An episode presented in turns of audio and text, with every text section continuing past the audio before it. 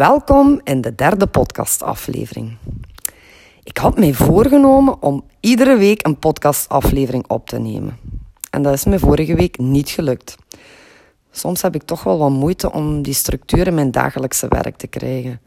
Dan zeggen ze ja, dat is typisch voor creatieve mensen. Maar dat frustreert me de laatste tijd toch wel heel erg.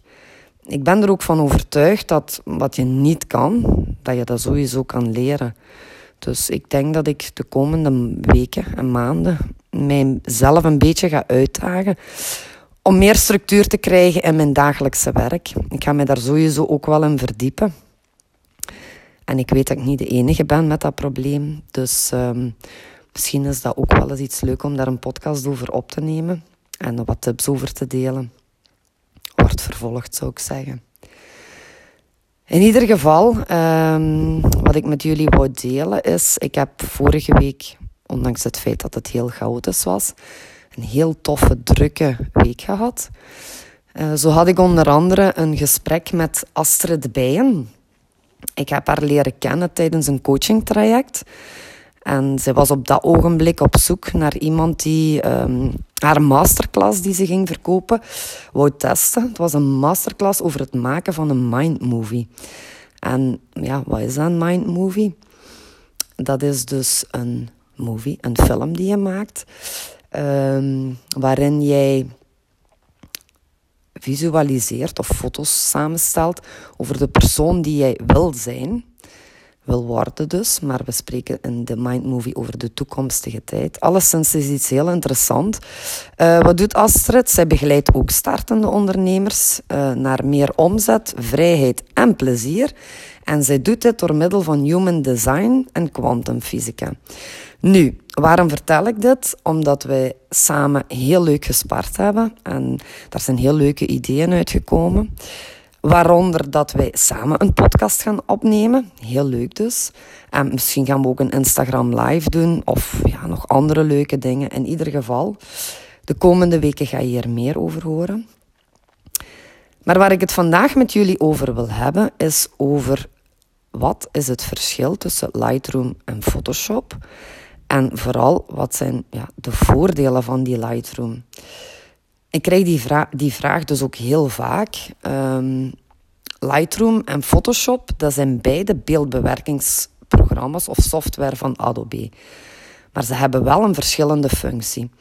Lightroom die is vooral gericht op het organiseren, het bewerken en het delen van je fotografie, terwijl Photoshop meer gericht is op het bewerken uh, van afbeeldingen met ja, complexe technieken zoals laag- en maskertechnieken. Dus Photoshop is meer voor de kunstzinnige bewerkingen van afbeeldingen, als ik het zojuist zeg.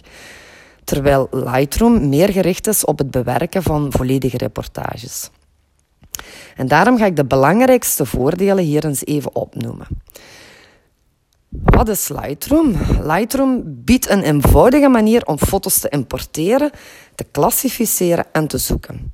Dit zorgt ervoor dat Lightroom ideaal is voor de organisatie van je foto's. En ik denk als fotograaf is dat wel een hele belangrijke factor, want ja, in het begin zijn dat niet zo heel veel reportages, maar na verloop van tijd, en geloof mij, na tien jaar, is dat behoorlijk wat. En dan is Lightroom een ideaal programma ja, om, die, om die makkelijk terug te zoeken, om die te klassificeren. het is dus vooral een, ja, of vooral niet een makkelijk organisatieprogramma. Wat is nog een voordeel van Lightroom?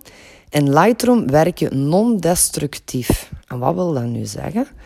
Lightroom die biedt de mogelijkheid om foto's te bewerken zonder de originele afbeeldingen te beschadigen.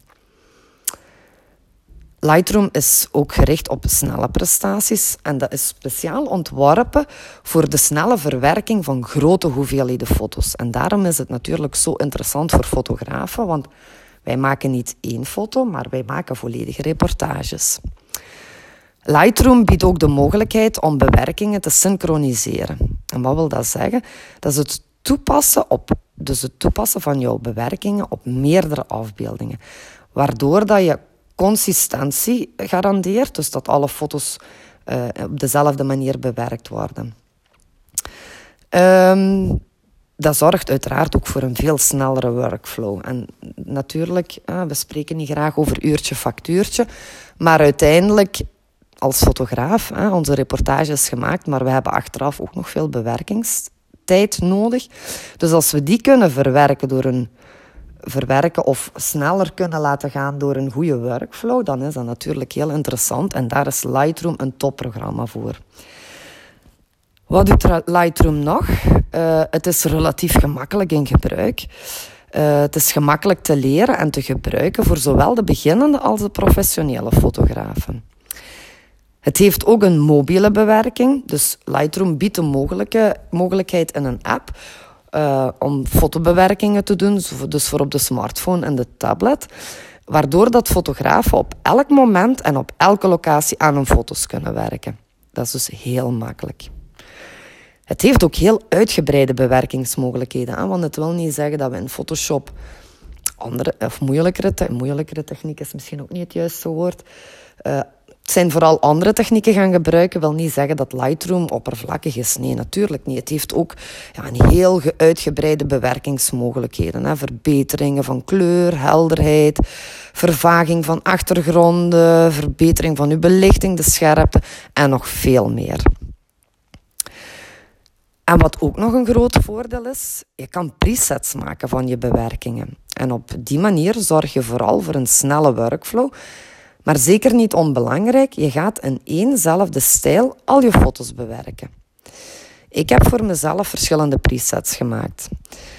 Um, ik gebruik bijvoorbeeld in verschillende seizoenen gebruik ik andere presets. Zo ben ik bijvoorbeeld geneigd om voor de kerstshoots altijd iets donkerder te gaan.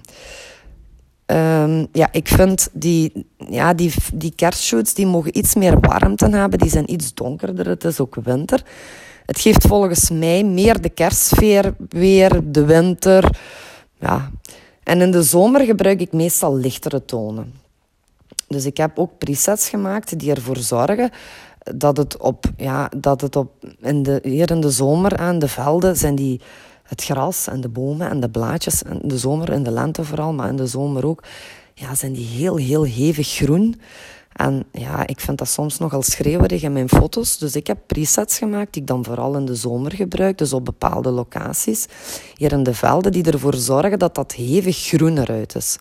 Zo heb ik onder andere ook presets gemaakt um, in bepaalde periodes uh, in de zomer hier staan de graanvelden heel mooi, heel leuk om foto's te maken.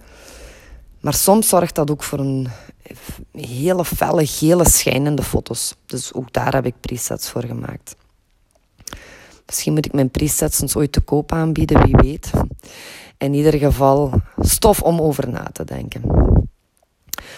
Zoals je kan zien, Lightroom heeft heel veel voordelen voor jou als fotograaf. En ik vind het vooral belangrijk dat je programma's gaat gebruiken die jouw werk makkelijker maken. En dit zal dit programma zeker en vast voor je doen. In ieder geval, ik ben grote fan. Het is ook een programma met enorm veel mogelijkheden. En de komende weken ga ik mijn cursisten van het volwassenenonderwijs, waar ik lesgeef, uh, ik ga met hen heel intensief aan de slag met Lightroom. Uh, het is een uh, module die ik nu ga doen, echt vakfotografie. En ja, van bewerken hebben ze nog niet zo heel veel gezien. Dus we gaan daar nu heel intensief mee aan het werk. En daarom ben ik ook nu al wat voorbereidingen aan het maken. En het deed me weer beseffen dat veel fotografen dit programma niet ten volle gebruiken. Zo ben ik op dit ogenblik een voorbereiding aan het maken voor, over het faken van het golden hour. En ja, iedereen vindt die foto's prachtig. Alleen we wonen in België en het is bijna onmogelijk om tijdens iedere shoot mooie golden hour foto's te maken. En vaak hebben we, ja, hebben we niet eens een golden hour. Of we kunnen onze shoots in de zomer ook niet zo laat plannen, omdat we met kinderen werken. Want ja, dan is het golden hour ook gewoon veel te laat. In ieder geval, als we enkel shoots zouden kunnen doen tijdens het golden hour, dan zouden we er niet veel kunnen doen. Dus, hoe geweldig zou het zijn als je van iedere shoot op een simpele manier golden hour foto's zou kunnen maken? Ik ga daar een masterclass over opnemen. Hoe maak je die foto's? En ik ga je ook laten zien hoe je daar een preset van maakt, zodat je die vervolgens op heel jouw reportage kan toepassen. En misschien ook nog op andere reportages.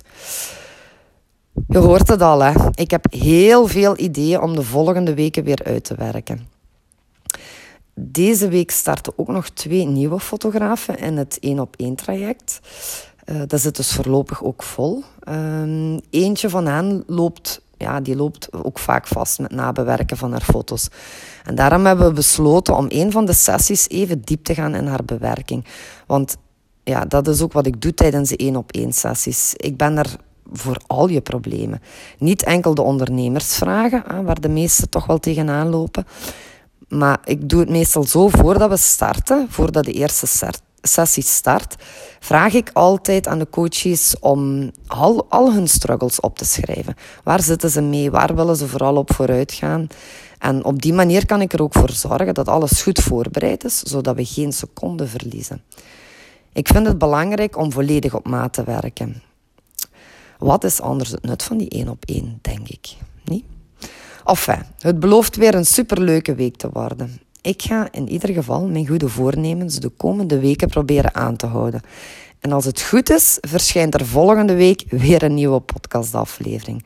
En daaraan, daarin zal ik weer nieuwe vragen beantwoorden. Heb jij nu een brandende vraag waar je graag een antwoord op wil?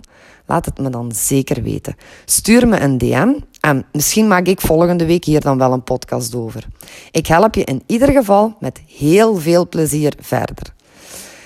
En als laatste wil ik je vragen: vond jij deze podcastaflevering interessant? Zou je dan alsjeblieft even enkele sterren willen geven? Op die manier kan de podcast makkelijker gevonden worden door andere fantastische fotografen. Zo, dat was het voor vandaag. Dan bedank ik je alvast voor het luisteren en tot volgende week.